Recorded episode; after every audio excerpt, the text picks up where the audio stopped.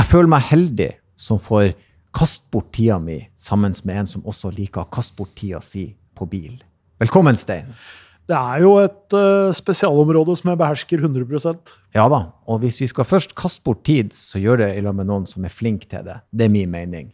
Stein, dagens gjest, hva kan man si? Nei, altså Det er jo en, uh, en gjest som sitter på en kompetanse som vi etterspør stadig vekk. Så absolutt. Dagens gjest hun lærte oss altså at det er ikke gull alt som glimrer. Av og til kan det også være en sportsbil. Ja da, og hun har en intens kjærlighet for supersportsbiler. Og dagens gjest fikk også bekrefta noe vi til nå har trodd faktisk var en myte. Folkens, det er Mette Knutsen som er innom oss i dag. Hun er bilentusiast av rang og kjøreskolelærer gjennom mange mange år. Og vi fikk spurt henne om absolutt alt vi lurer på når det kommer til oppkjøringa.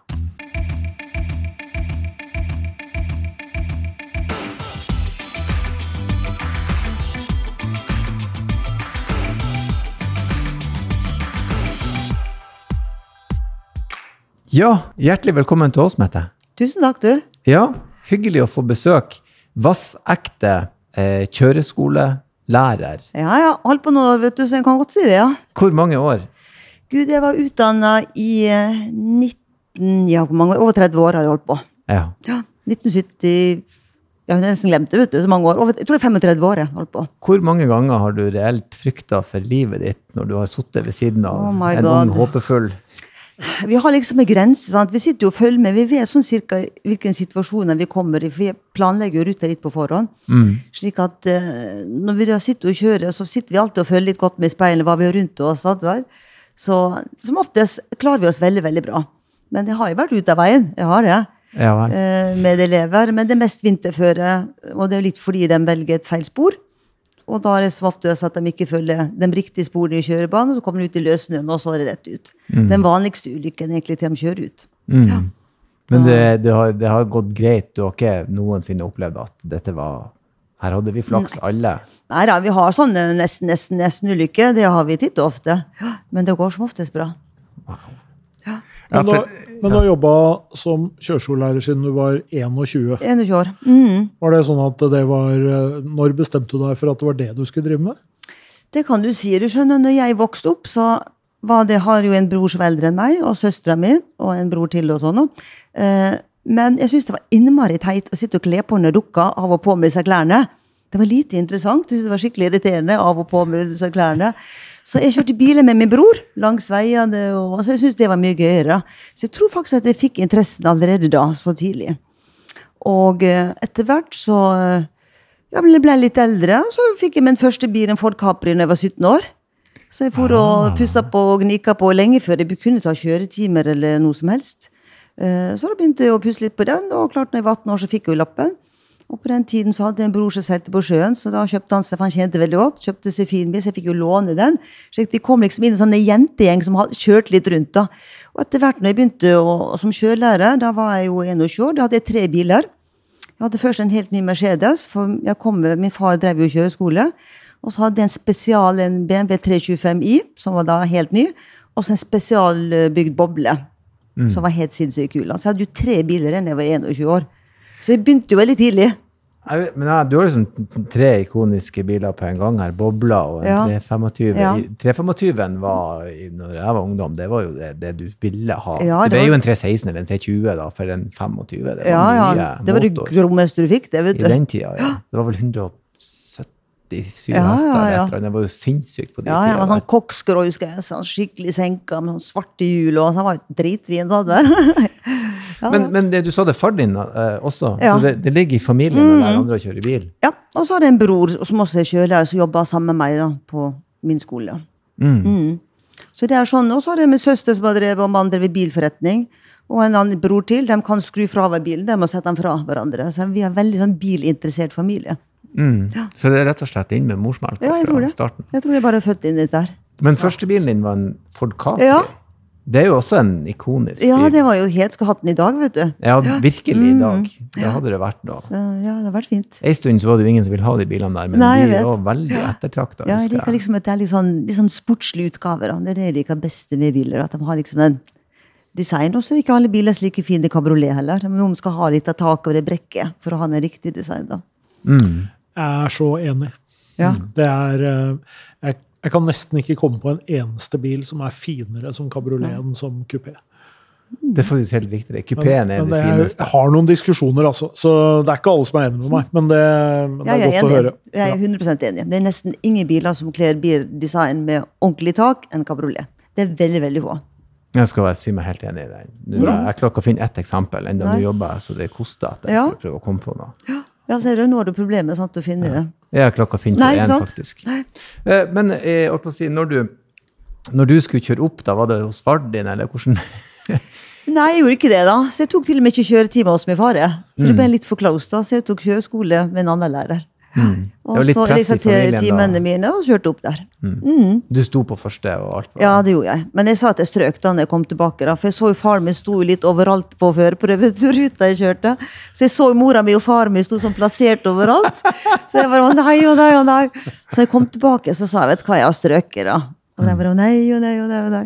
Jeg gjorde jo ikke det, da. Så da fikk jeg jo ja, noen nye sko. Jeg hadde sett meg ut da. Så da ble jeg så superglad. For jeg var faktisk den første i den generasjonen som fikk førerkort. da, Så det var jo veldig stort da på den tiden der. Og det var i 1982.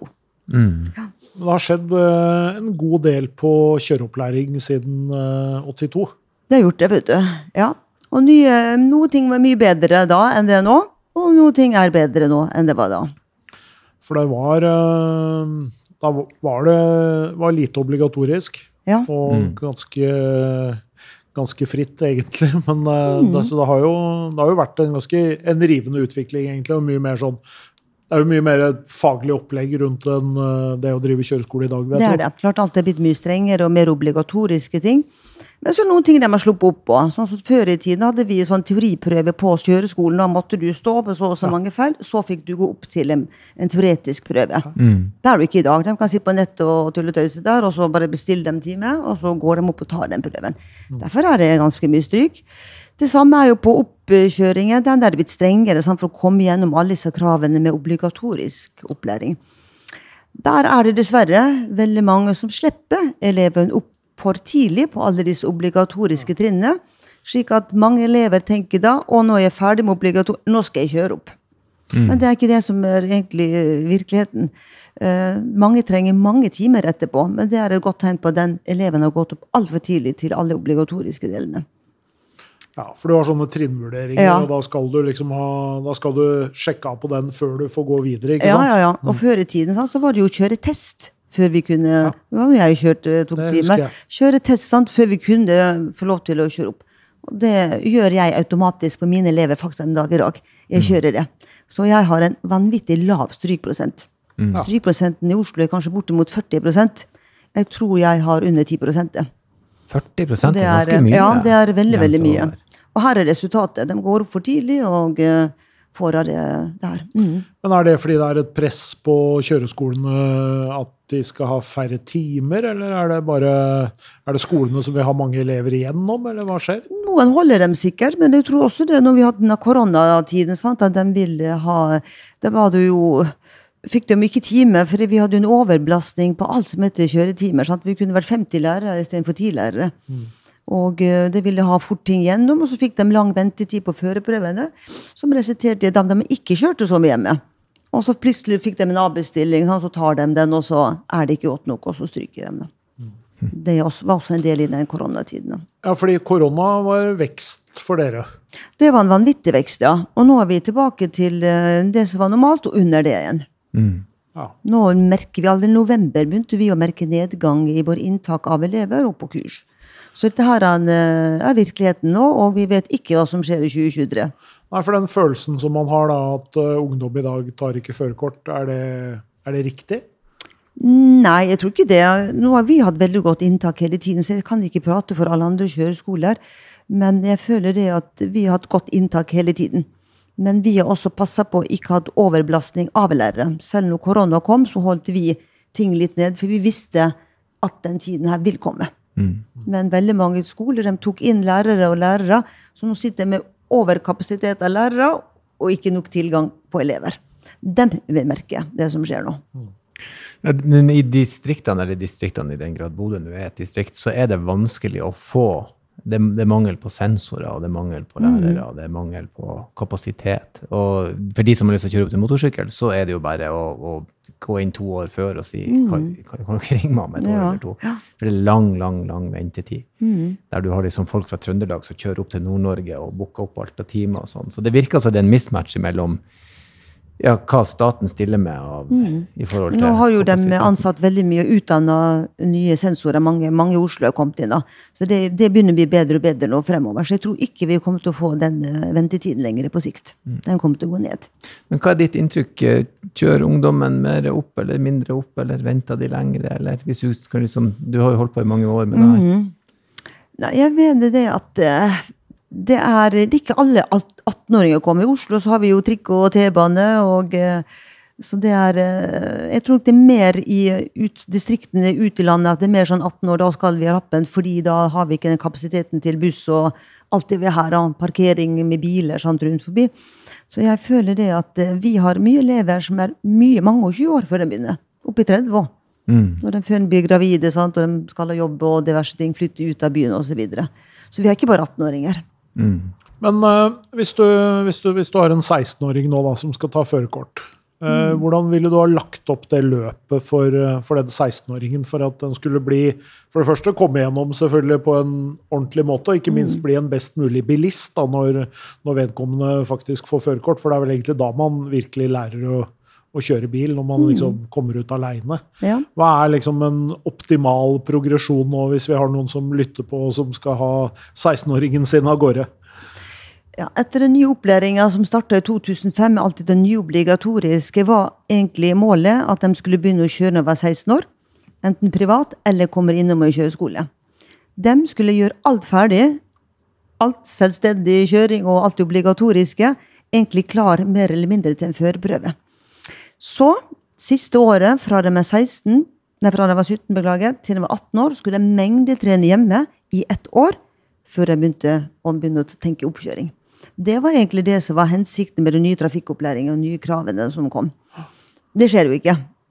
Det fordi de gjør motsatt, kanskje? eller? Ja, De kommer av og til når de er som ofte 17-17 og et halvt, og nå fyller jeg 18 år med et halvt år, og nå skal jeg ha lappen. Slik at mengdetreningen den blir borte, og så kommer det ferietid, og så kommer det kanskje sykdommer innimellom, og så er det eksamen og tentamenen, og alt bare strekker ut og strekker ut. da. Så eh, egentlig så burde de begynne mye mye tidligere enn det de kommer i dag. for å få, Og da tror jeg også at strykprosenten har gått veldig veldig mye ned. For da har de den mengdetreningen som de egentlig ikke har alltid. Det er derfor de stryker. Ja. Så beste tipset er begynn tidlig, Tidlig. rett og slett. Begynner med 16 år. Ja. Jeg har en datter som skal kjøre opp om uh, 16 dager. Mm, ja. Og hun har kjørt veldig, veldig mye, da. Og Ja, vi begynte der. Og, så, og det er jo også et bra tips, for at, eh, ofte, det er jo ikke liksom gjennom året som sådan, så er den tiden man gjerne kjører mest bil på, er på sommeren, når vi skal på ferie. Så hun har jo stort sett kjørt uansett hvor vi, hvor Mm. vi skal. Og da jeg merker jo at den mengdetreningen er bra, men det er vel kanskje lurt å være innom kjøreskolen innimellom, fordi jeg kan jo ha mine Mm. uvaner som jeg overfører, kanskje. Ja, hva var det jeg skulle si? Du må innom og få beskjed. Det her, her jobb trener du på hjemme. Slik at du får lekse litt hver gang du kjører, slik at du har et poeng med den øvelseskjøringen. Hvis ikke, så har ikke alltid den hensikten. For da spør jeg, men hva har du trena på da? Nei, det vet de ikke. Ok. Så da får jeg liksom at man får, og det er etter hver eneste time jeg har med mine elever, så spør eleven, skal du kjøre hjemme til neste gang? Tren på det og det og det.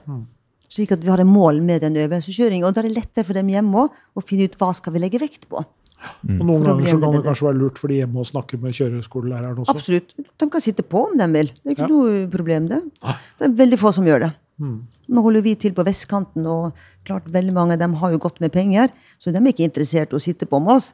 De uh, kjører litt, litt Kan du sende med au pairen, kanskje? Ja, ja, ja, kanskje det. Så det er, det er veldig få som spør om det. Jeg kan tenke på I alle åra jeg har holdt på, så kan jeg tror jeg kan telle alt på én hånd. Så, men det har vært en fin mulighet. Men nå vet nå i alle fall de som hører på, at det er en mulighet. Det er en mulighet, ja. Absolutt for absolutt alle. Det er bare å ta kontakt. Kan jeg sitte på med den og den timen med min elev, sønn eller datter? Vi sier aldri nei til det. Aldri. Mm. Er Smart. Hva, hva er det som Nå har jo du mange kjøreskolelærere hos deg. Hva er det som, hva er det du ser etter hos en god kjøreskolelærer? Ja, for det første at de er pliktoppfyllende. Det er jo preen for meg. Det er det at de følger opp elevene, møter når de skal, ikke er forsinka, og at de gjør jobben sin. For når en elev går ut av kjøreskolen min, så er det viktigste jeg får, og det beste jeg får, er den beste tilbakemeldinger. Er det enten Google-anmeldelse eller munn til munn. Sant vel? Det her er bra. Man trenger, vi har ikke reklame noen sted, vi. Ingen sted. Vi reklamerer ingenting, for den beste reklamen er faktisk alt er at en elev er fornøyd når de går ut. Mm. Det er egentlig så enkelt som det. Verre trenger det ikke å være. Um, jeg lurer litt på sånn som de eh, Sønnen min han er nå i ferd med å Han har øvelseskjørt en del, og han har et halvår igjen til han blir 18. da. Eh, og han har lyst til å kjøre opp med manuell kasse. Ja. Men det er jo nesten blitt mulig. Ja, kan si eh, 20 eh, cirka i Oslo kjører manuelt gir, og 80% på automat. Sånn elbiler. Eh, og eh, går du litt ut i distriktene, Vestlandet og rundt der, de små plasser, så vi, snur vi bare litt trenden. Da er det 80% som kjører med manuelt gir, og 20-30 på manuelt gir. Hvorfor tror du det blir sånn? Det er, det er ganske enkelt. Du ser det kommer mer og mer elbiler. Mm. I hvert fall på den siden. Vi var jo faktisk en av de første i hele Oslo, og kanskje en av Norge, som fikk elbiler. Og det er bare, tror jeg, tilbake til eh, 2017-2018, når det en gang det begynte å komme den Nissan Leafen og det her. Eh, så vi var faktisk en av de første. Eh, Men klart, rekkevidden var jo ikke lang nok på den tiden, der, så vi måtte da kombinere lærere som måtte kjøre litt eh, begge deler. da. Men eh, det er fordi det kommer mer og mer automatbiler eh, hele tiden. også. Det bruker å spørre, liksom, har du manuelt gir hjemme? Nei, det har vi ikke, men mor min eller faren min som ofte sier at jeg skal ha det, for da lærer du best å kjøre bil. Så spør jeg men kommer du til å kjøre det etterpå. Nei, det gjør de ikke. Hva er da hensikten med det? Da tar du heller på automat, og så kommer du tilbake den tiden du føler du har behovet for den manuelt gir. For da er det bare litt fint pus og eventuelt eh, en ny førerprøve. Du må ikke ta ting på nytt igjen. Men er det et litt kunstig skille, på en måte, akkurat det der med automat og manuell? For jeg tenker sånn, Hvis du kommer ut da, hvis du tar, Si du tar eh, førerkort på, eh, på automat, da. Da kan du jo kjøre alt mulig, og spørsmålet er liksom Er det noe er det, hvis, så, lenge du, så lenge du lærer Du hadde fem obligatoriske timer med gir da, på, på kjøreskolen i løpet av opplæringen, men resten gjorde du på automat.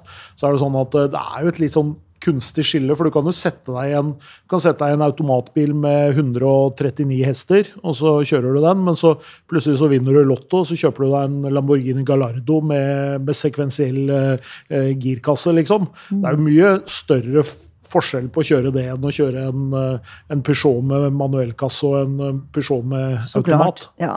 Så det spørs det jo enkelte land som vil ha det slik at de eh, får du Noen har det slik at får du førerkort på automatgir, så kan du kjøre manuelt gir.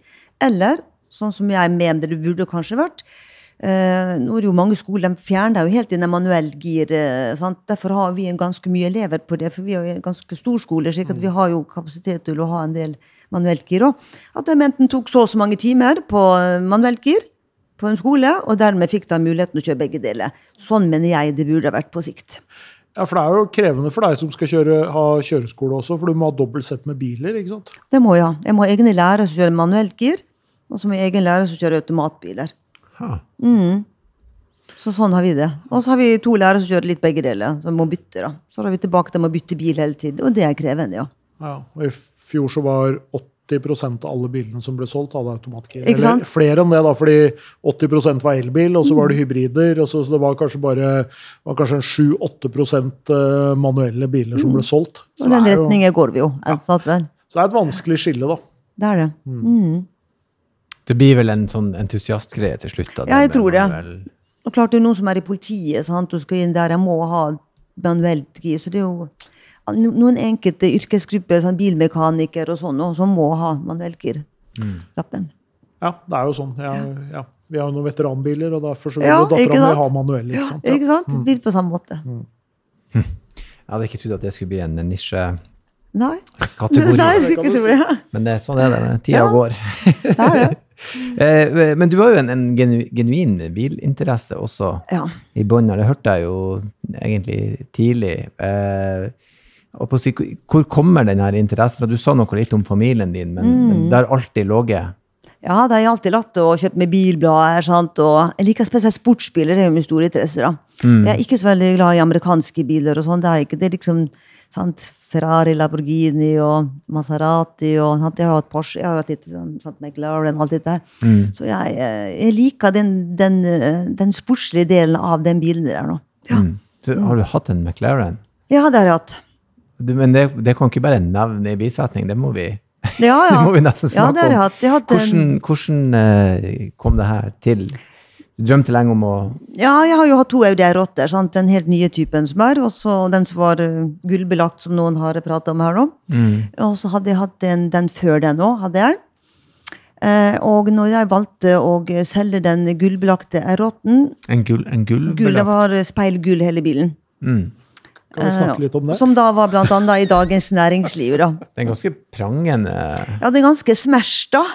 Nei, Jeg satt og så på en sånn nettside, og da satt jeg og så en sånn gull. Jeg tror det var London. jeg så den. Jeg tenkte, Fy fader, den var bare kul. Jeg tror jeg aldri har sett noe sånn i Norge. Så hvis du virkelig vil gjøre noe som ingen andre gjør, så hvorfor ikke? Men det må være en sportsbil. Du kan ikke putte det på en Golf. liksom. Du må jo ha eh, Ja, som- må jeg enig i. Det må ja, ja. være en, en sportsbil. Så jeg tror aldri jeg har hatt en bil som har vært mer fotografert enn den bilen der. Det var uansett hvor det var. De sprang etter meg på gatene, og sto jeg på et lyskryss. De sprang for alle veier, de sto ved siden av bilen. Var jeg på butikk, så sto alle og venta utenfor til jeg kom ut igjen. Hvem er det som eier denne bilen her? Å herregud, så mye spørsmål jeg har fått om den bilen. Å, nei, det, har vært, det var veldig interessant, da. Men, han, men den må jo ha ripa lett. Gull er jo mykt. og- Klart det er en bil ikke du bruker hele tiden. Altså, når jeg skulle vaske den, så fikk jeg alle dem som skulle vaske den, de måtte ha egne vasker, og alt måtte være nytt, seg svampene de brukte, for å ikke lage riper og sånn. Så de eh, var klare beskjed. Den her, den skal tas på med silkehansker. Eh, Men etter det, da kom vi til solgte- selge den da, kom vi tilbake til den du nevnte, den McLaren 570 S jeg hadde da. Mm. Ja, den var utrolig fin. Så jeg likte designen på den. Det var en vanvittig bil. Men klart, den er jo bygd for mye å kjøre på bane.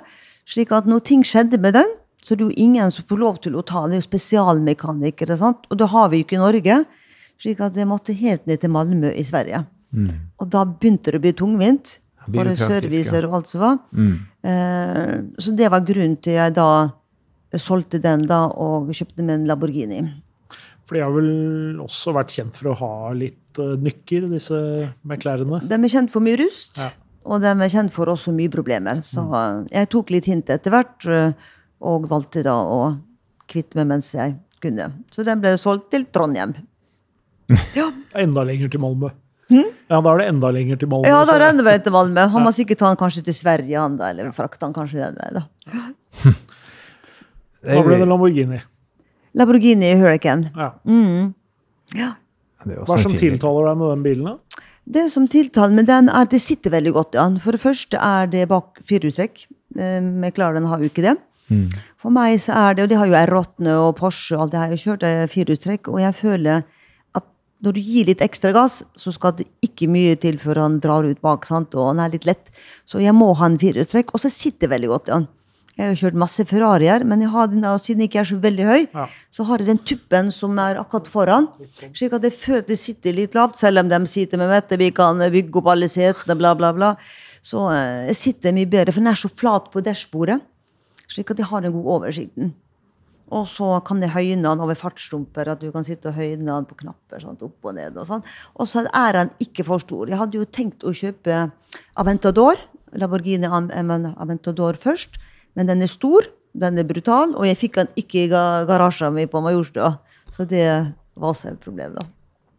Et, et ilandsproblem, må vi kunne kalle det. Ja, Ja, det det var, er i høyeste grad. eh, Men, uh... Men like frem til et problem.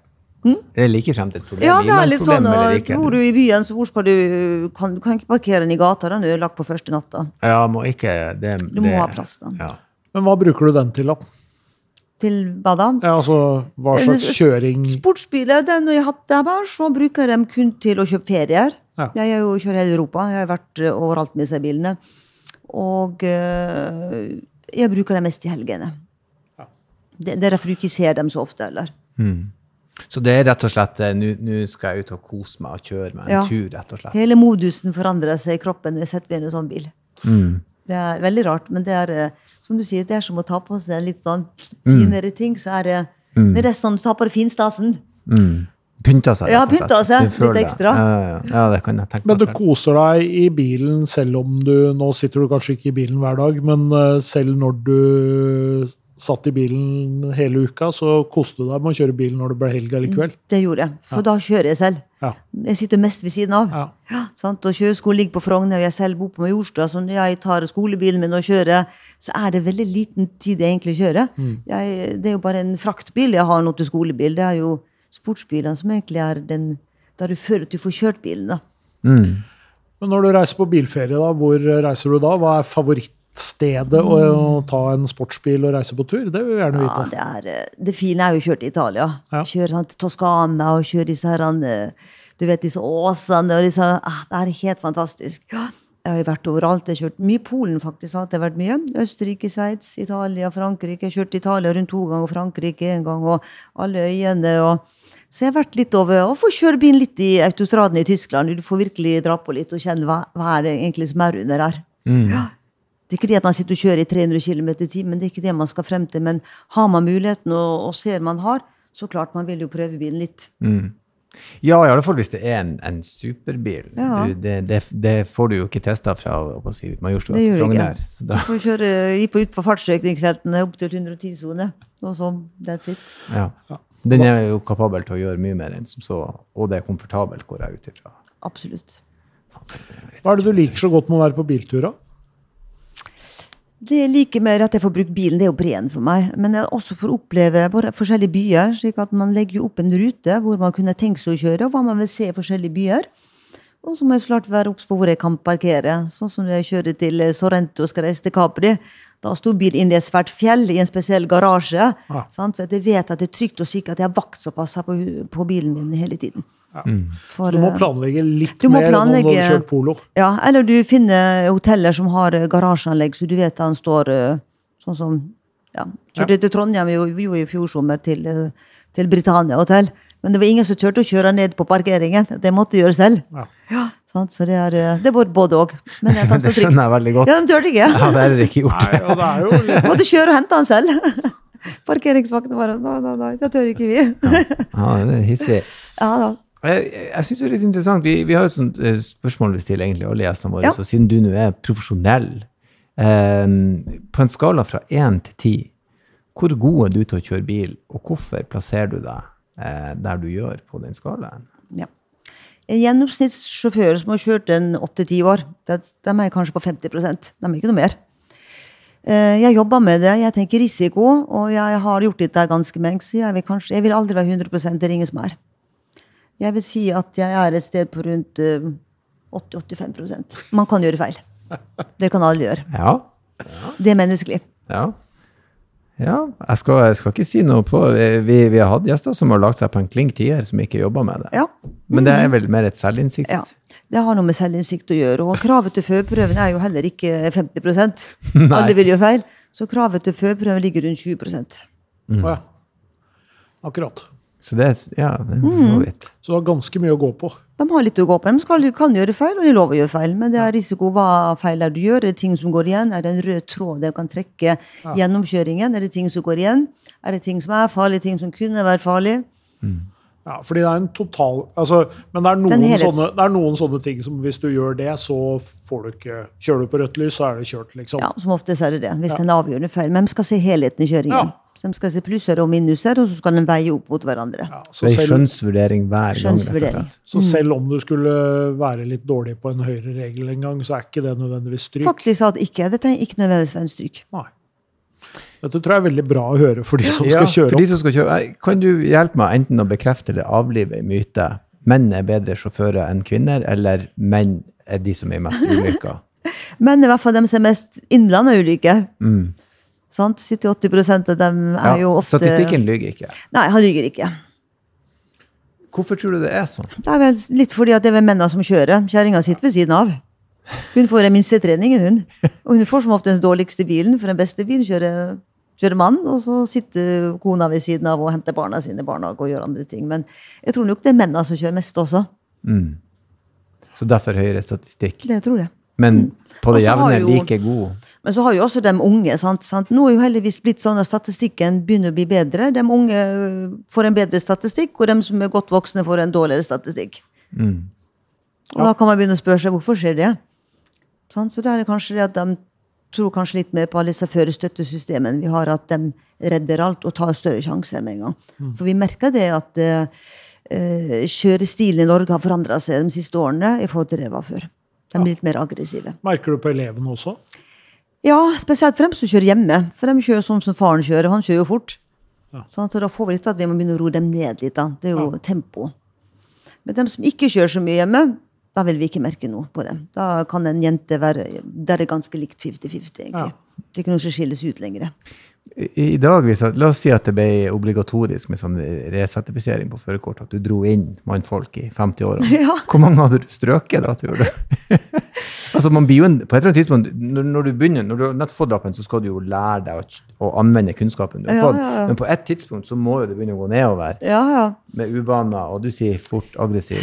ja for vi ser jo tilbakelevering. De som har hatt førerkort og blir tatt enten for promille eller for høy fart, de må jo ha ny førerprøve. sant? Det er veldig få av dem som stryker. Så da tenkte jeg hm, de gjør feil, dem òg, men jeg ser at da er sensoren plutselig litt sånn bob-bob, liksom. Da er det veldig sjelden de stryker, selv om jeg har kjørt en oppvarmingstime med den kunden eller den eleven og tenkt at dette her kan jo ikke gå bra. Dette er ganske ille, egentlig. Oh ja, så står de for Ja, det. så står de likevel, da. Men De kan, da- de kan det jo på en måte, så hvis Ja, de klarer å skjerpe seg liksom akkurat i den timen Eller de får gode råd av meg og sier at her må du bare passe på at de klarer det der og da. Men at de kommer tilbake om noen år, så ja. Det er derfor jeg sier det er veldig vanskelig å si vil de står ikke. For hvis man skal ta sånn som vi har sett det nå, så forstår de fleste. Men vi har jo mye inndragende av dem som er eldre. Som er godt opp i årene, som begynner å vingle på veien, eller bla, bla. At de blir stoppa av politiet, og så tar de inn. Det er veldig sjelden jeg får tilbake førerkortet. Det er nesten aldri. Men der er en sånn ting som er litt sånn fascinerende, som vi har sånn sett diskutert før her i podkasten. Altså en, en lege han vil se deg rett i øynene og si at du har kreft og dør om ei uke, men han tar ikke lappen din. Det sitter så nei. langt inne. Ja. Og det sier litt om hvor viktig det der er. Eh, det, det skal så mye til. Ja. Og du kan ha pårørende som han kan du være vennlig å ta, men de gjør ikke det. Nei, de gjør ikke det. Det er et stort skritt for dem å, å, ta, å gi fra seg førerkortet. Og det å ta lappen fra noen òg, det er også noe som på en Ja. måte sitter Ja, ekstremt så klart er det det. Det er såpass innarbeidet i kulturen vår. Ja, du ser jo mye av ulykkene som skjer med innkjøp på feil vei på motorvei. Det er stort sett de eldre som gjør det. Ja da. Men hva er på en måte den Hva tror du er den uvanen man har lettest for å legge seg til, liksom, etter hvert som man har kjørt bil i noen år? Er det, hva, hva tenker du kontra det du prøver å lære dem? liksom? Hva er det vi mister underveis? Er det fordi vi blir for, blir for nonsjalante, og går det for mye på autopilot, eller er det bare jeg, jeg tror veldig mange Dette med blinklys i rundkjøringer det tror jeg bare detter ut veldig ofte. Jeg merker det på enkelte elever. Men hva har skjedd med deg? Du blinker ikke i rundkjøring. Hva, hva er årsaken til du velger å droppe det plutselig? For det har vi jo lært For, Nei, faren min sier du kan det bare droppe. Det er ikke noe viktig. Da, da hadde jeg jo hørt det bare, what? Så, eh, så rundkjøring dette med plasseringer og kutting og sånn, det går veldig ofte igjen. Og klart det med høy hastighet, fart inn i kryss og sånn. Ja, Mm. Ja, nei, for meg så har det vært omvendt. Jeg har blitt Slutt flinkere tror jeg, jo mer øvelseskjørt jeg har gjort. Jo flinkere har jeg blitt til å bruke blikklys sjøl òg. Så det, det, det, det slår litt tilbake, da. Det slår litt tilbake til. For det må jo være et poeng når du skal lære noen noe, så må du jo reflektere over din egen mønster og oppførsel i trafikken. Men en ting som jeg lurer på, det burde jo vært obligatorisk.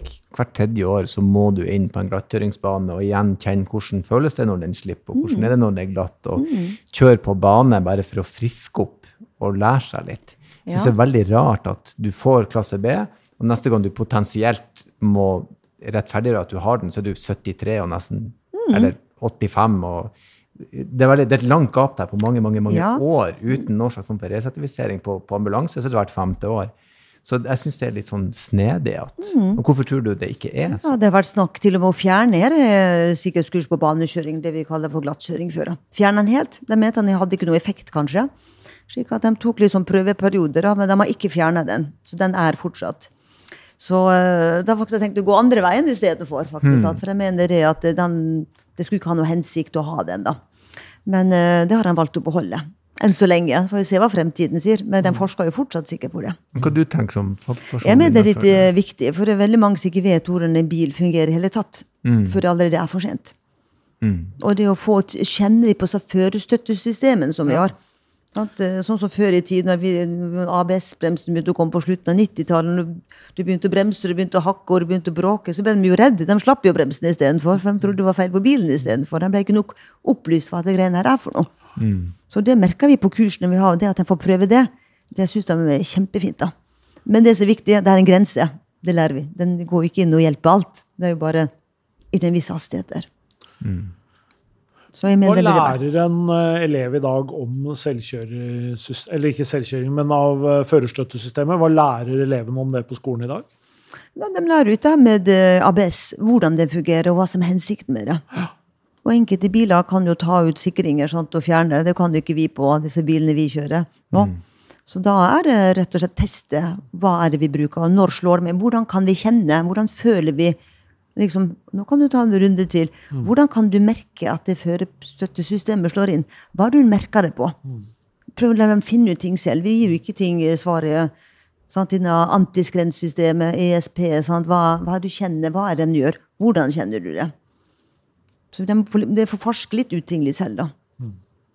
Men det er jo, på noen områder har det jo vært veldig bra. altså sånn Påkjørsel bakfra for eksempel, har jo blitt kraftig redusert som følge av at mange biler har Ja, ja. At de bremser litt selv. bremser sant? selv også. ja. Mm. Så det, men eh, det tar jo ikke bort ansvaret fra eleven eller Det, føreren. det gjør det ikke. Nei. Ja. Det er jo ikke så lenge siden jeg ble påkjørt bakfra, blant annet. Jeg da. Så sa han og kjørte på meg ja, nå vet jeg at jeg får skylda, for jeg vet at eh, hvis man ikke holder god nok avstand, så får jeg eh, automatisk skyld. Det som skjedde, var det at vi skrev skademelding, og etterpå så nekta han. Han bare nei, vi bremsa ned unødvendig. Og eh, det tok fem måneder med krangling frem og tilbake der jeg henviste til paragrafer til gjensidige. Det som viste seg at vi begge to hadde samme forsikringsselskap. Da skjønner vi jo resten selv.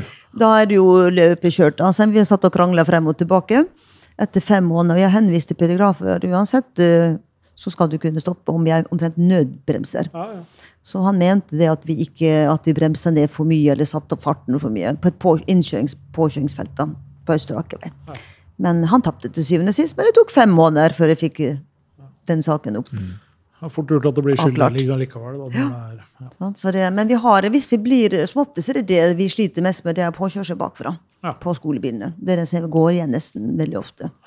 Det er jo litt sånn rart, for hver gang jeg ser en L eller en skolebil, så Ja. legger man seg godt bak. Ikke sant? Fordi Ja. at du, du, det er ikke forutsigbart det som skjer. Det sier jo seg selv. Så du burde ikke ligge nært. Ja, ja. Du burde kanskje tenke her må jeg være ekstra forsiktig. Det er en uerfaren sjåfør du har foran deg. Du stresser jo også de i bilen hvis du finner på å legge deg Mm. såpass nært. Og det var enda verre den tiden det var sånn gir, vet du, når vi stoppa og hoppa litt i krysset, når de står og tuter bak. Det var, da kan du snakke om stress, da. Oh my god, det var hopp og stopp. Og, og de står og tuter bak, sant. Og det står jo skole på bilen, og likevel så tar de ikke hensyn. Det er det som overrasker mange. Kan de ikke se at det står et skoleskilt, og det er en kjøreskole? De har jo vært der en gang selv. Hallo, liksom. Men folk har jo en veldig tendens til å bli aggressiv i Det det bil. Det er det, det er det jeg sier, at de har forandrende kjøreatferden sin og stresser og har ikke den tålmodigheten lenger som de kanskje hadde litt med før. Men har du to forskjellige kjørepersonligheter når du sitter som kjøreskolelærer og skal lære bort, og når du kjører bil selv, eller er du like rolig og avbalansert og når, du, når det er du selv som er ute og kjører? Kanskje ikke i skolebilen, da. Nei, jo, jeg er avbalansert. Jeg er aldri noe hissig, aldri vært det. Det er ikke min personlighet heller. Så det er kanskje noen har den personen, jeg har ikke det. Så jeg er like rolig uansett. Om de tuter bak eller jeg kjører selv eller hva det er. I don't care. Jeg bryr meg ikke. Jeg vil ikke bruke kaloriene mine på det. det bryr ikke meg helt det Det er en god egenskap. Ja. Ja. Jeg blir alltid så fascinert når noen klarer å være så avslappa til det. Jeg, Ja. jeg ser på det som en stor fornærmelse hvis noen tuter, og da jeg kan irritere meg Ja, det gjør det, ja. Ja, Og det det. sint inn i kupeen. Ja. Van Nora kommer. Ja, ja, ja, ja. Det blir en dårlig ettermiddag. Ja, ikke sant? Hele Det er jo kvelden helt meningsløst, men uh, det, er noe, det er noe med å skru av den bryteren der. Ja, så, nei, ro, da. så road rage, der er du ikke altså i det hele tatt. Nei. Aldri skjedd. At jeg kjefter? Ja, du- kjefter? At du har liksom, Nei. Aldri på en elev heller. Aldri. Man finner problemer med å ta det derfra. Ja. Men jeg har jo hørt elever som har kommet fra andre kjøreskoler, de sier at læreren har kjefta og smelt hånda i dashbordet og vært forbanna. Så det er nok eh, litt forskjellig ute og går. ja, det er jo ikke noe Det er lite pedagogisk. Det er ikke Det er det er litt det er ikke pedagogisk, men det har skjedd. Og jeg tror faktisk at på den eleven hvis de sier det. Det er ikke noe de finner på selv. Nei. Eh, Nå er det mange år siden jeg kjørte opp, men jeg husker at jeg var veldig redd for å gjøre feil og var nervøs. Jeg prøvde å øvelseskjøre med mora mi, men hun har et temperament. Da blir det Altså, feil. vi ble begge nervebrak, så jeg Ja. måtte med stefaren min. Det gikk bra. Han brydde seg ikke om jeg var i grøfta. Han var sånn 'Nå må du kjøre opp, Erlend. Så nå er vi på tur utfor.' Så han var så rolig. Mens mora mi var sånn Ja. 'Du er nært kanten!' Jeg var sånn Ja. 'Jesus, hvor er traileren?' Du, du, du kjenner jo hjertet ligger oppi Ja halsen. Det hører jeg også mine elever si. Det er ikke alle de kan kjøre med hjemme. Ikke med far, men mora hun er roligere. Da kjører jeg med henne. da. Og det har jo vært gått så langt at de kjører med ingen av. At de kjører med en tante eller et eller annet sånt istedenfor. Ja. Ja. Så det er eh, nok personligheten som kommer inn der. Mm. Ja, Men der er det jo sikkert også fint da, hvis de følger det rådet ditt, nemlig ved å sitte på en tur og kanskje se at det ikke er så farlig, og at uh, eleven faktisk behersker dette er ganske greit. Det gjør de. Som oftest går det mye mye bedre. De gruer seg veldig ofte til første time. sant Ja. Så hva som har skjedd hjemme, det vet du ikke, da. De kommer. Men det, jeg tror ikke en eneste en som går ut av bilen og sier vet du hva, det her gikk så mye bedre enn jeg trodde. Da får de senke skuldrene. sant? Og at vi bygger opp ting riktig. Vi går jo ikke ut på en motorvei med en gang. Vi bygger opp sant, opplæringa fra scratch av og bygger opp oppover. Jeg, jeg lurer på en ting som jeg syns er litt interessant her. Vi har jo hatt de aller fleste gjestene våre snakker vi jo om selve oppkjøringa. Og alle har jo en his historie om strykjernet. sant Stein? Det går jo igjen. Ja. Strykjernet. St så stryk alle, og stryk og stryk. Hvorfor tror du eh, sensorer har fått det her? Eh, Det er jo et ufortjent, vil jeg tro, eh, stempel.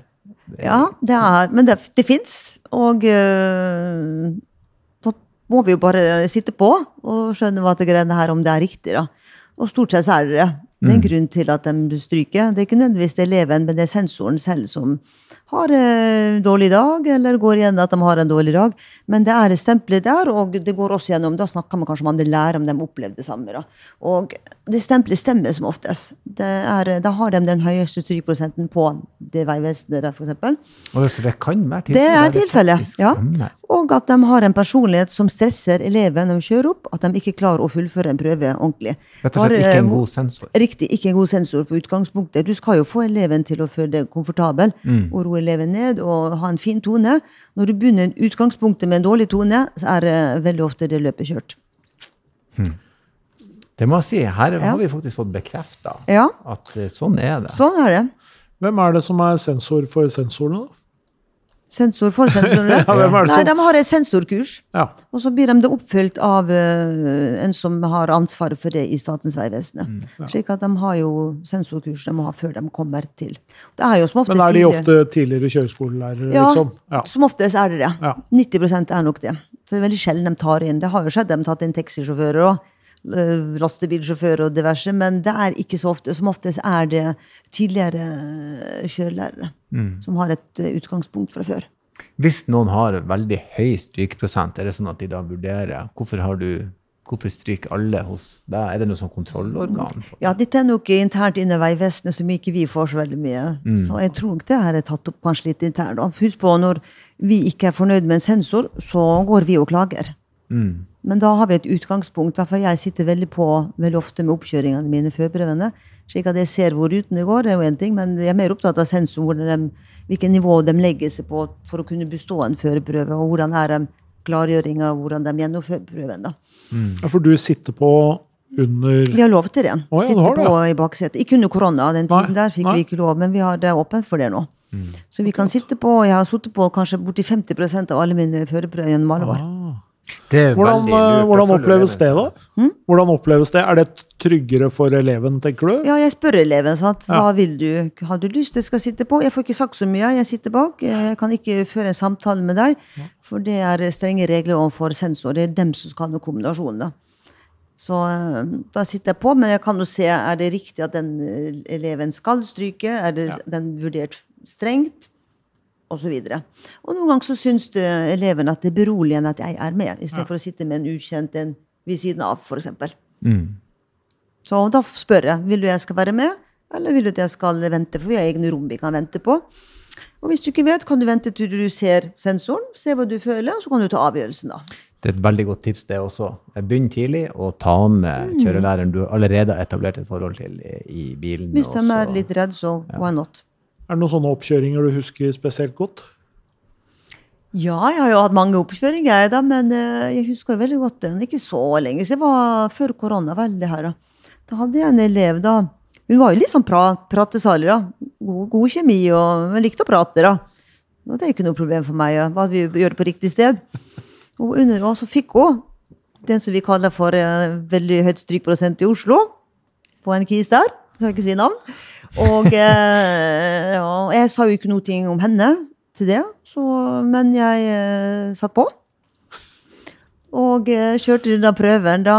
Og hun satt hele tiden og spurte han. Han var jo kjempestreng, sant? stiv i maska. og nå skal vi kjøre førerprøve, og bla, bla, bla. Klargjorde og kjempestreng. Og hun begynte å spørre han helt om personlige ting på hele prøven. Hvor kommer du fra, hvor har du jobba, hvor lenge har du jobba, hvor har du bodd, og hva, hva er forskjell på strømmen og Lillestrøm, hvorfor er strømmen eh, større enn Lillestrøm, og alt hele turen. Og han begynte å le under hele førprøven, så vi kom tilbake sa han, vet du hva, dette er den morsomste førprøven jeg noen gang har vært med på. Så det var litt morsomt, da.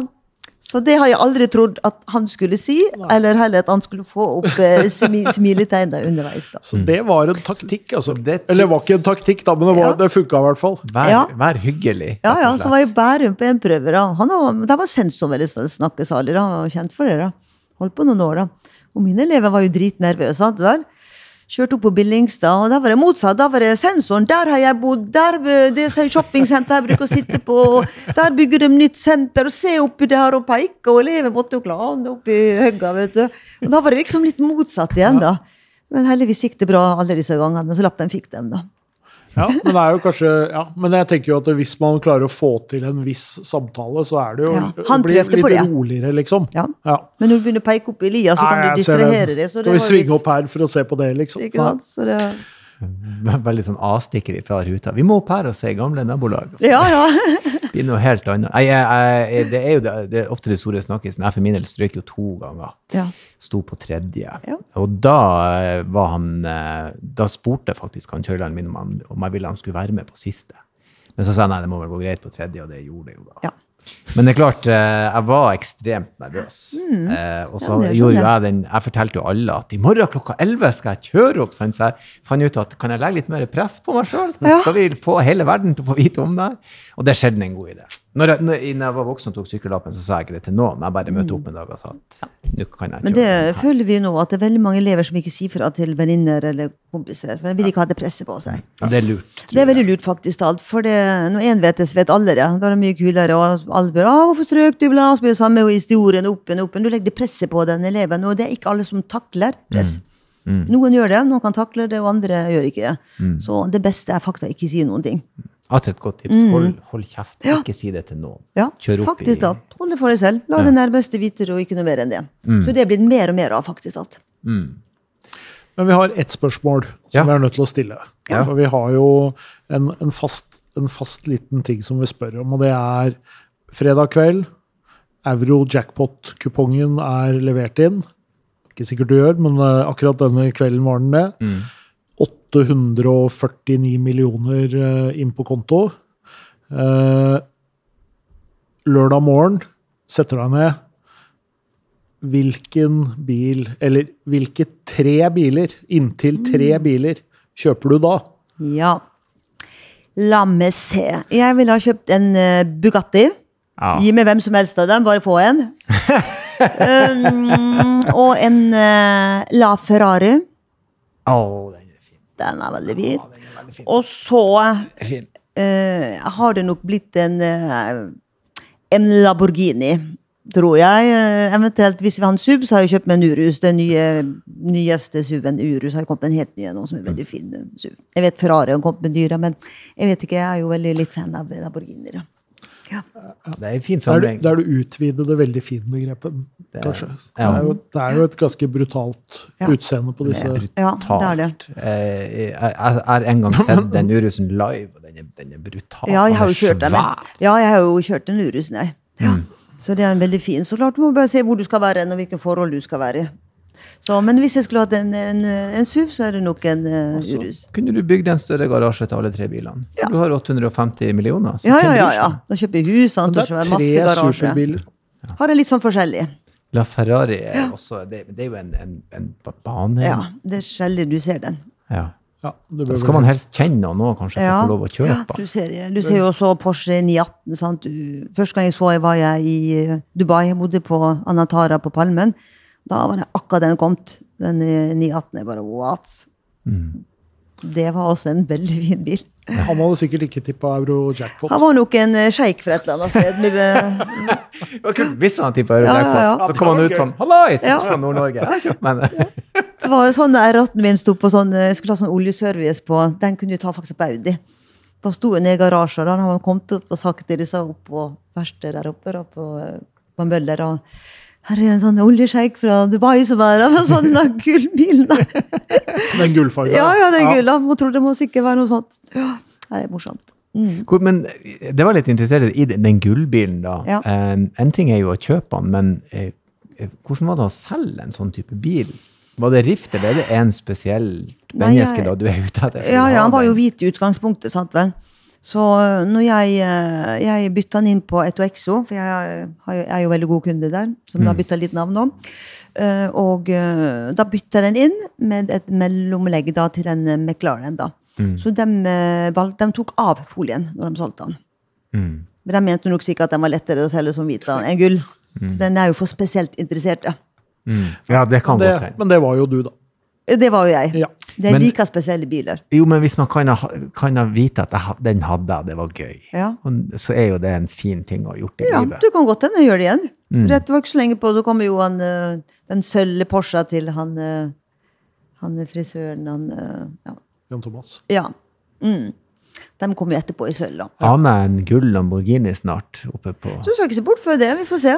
Jeg kan gjerne, jeg kan gjerne ta den i gull igjen. Jeg liker det. Jeg Ja. liker innstillinga. Ja, jeg liker noe som ikke er helt det vanlige. Ja, Litt ekstra. ja, Så det er kanskje ikke alle som tør. Mm. Det er kanskje der det ligger at man ikke tør å skille seg sånn ut. Nei, for det er jo litt det det handler om. Man må jo kunne stå i det, men det Mm. Ja. har jeg mistanke om at du gjør veldig fint. Ja, og noen mener kanskje at å gud, du ødelegger hele bilen, en sånn bil skal ikke være sånn og sånn. Så du får kanskje noen egen mening, men det er veldig få minus jeg har fått når jeg gjorde det her. Det var nå heller det motsatte. Ja, det er nok enkelte purister som vil rynke på nesa. Men det er jo gøy når du kan irritere noen. Ja, husker jeg hørte Polen med han. Første dagen jeg lå på første hotellet, var bilen min på alle nettsidene i Polen. Huh. Ja, Ja, det Så kult, det sier jo litt, da. At han skiltes vel ut. Ja. Ja. Uh, jeg håper jeg en dag eh, kommer gående opp mot beste vestkanten, og så kommer du i en gull Lamborghini. Ja, det skal du ikke se bort fra. glad. Ja. ja, det skal du ikke se bort fra. La oss håpe at det, det blir det. Uh, tusen takk for at du kom på besøk til oss. Tusen takk. takk, takk Veldig hyggelig. Og så skal jeg nå avslutte som jeg alltid gjør, med å si takk for besøket, og kjør forsiktig. Det gjør jeg alltid.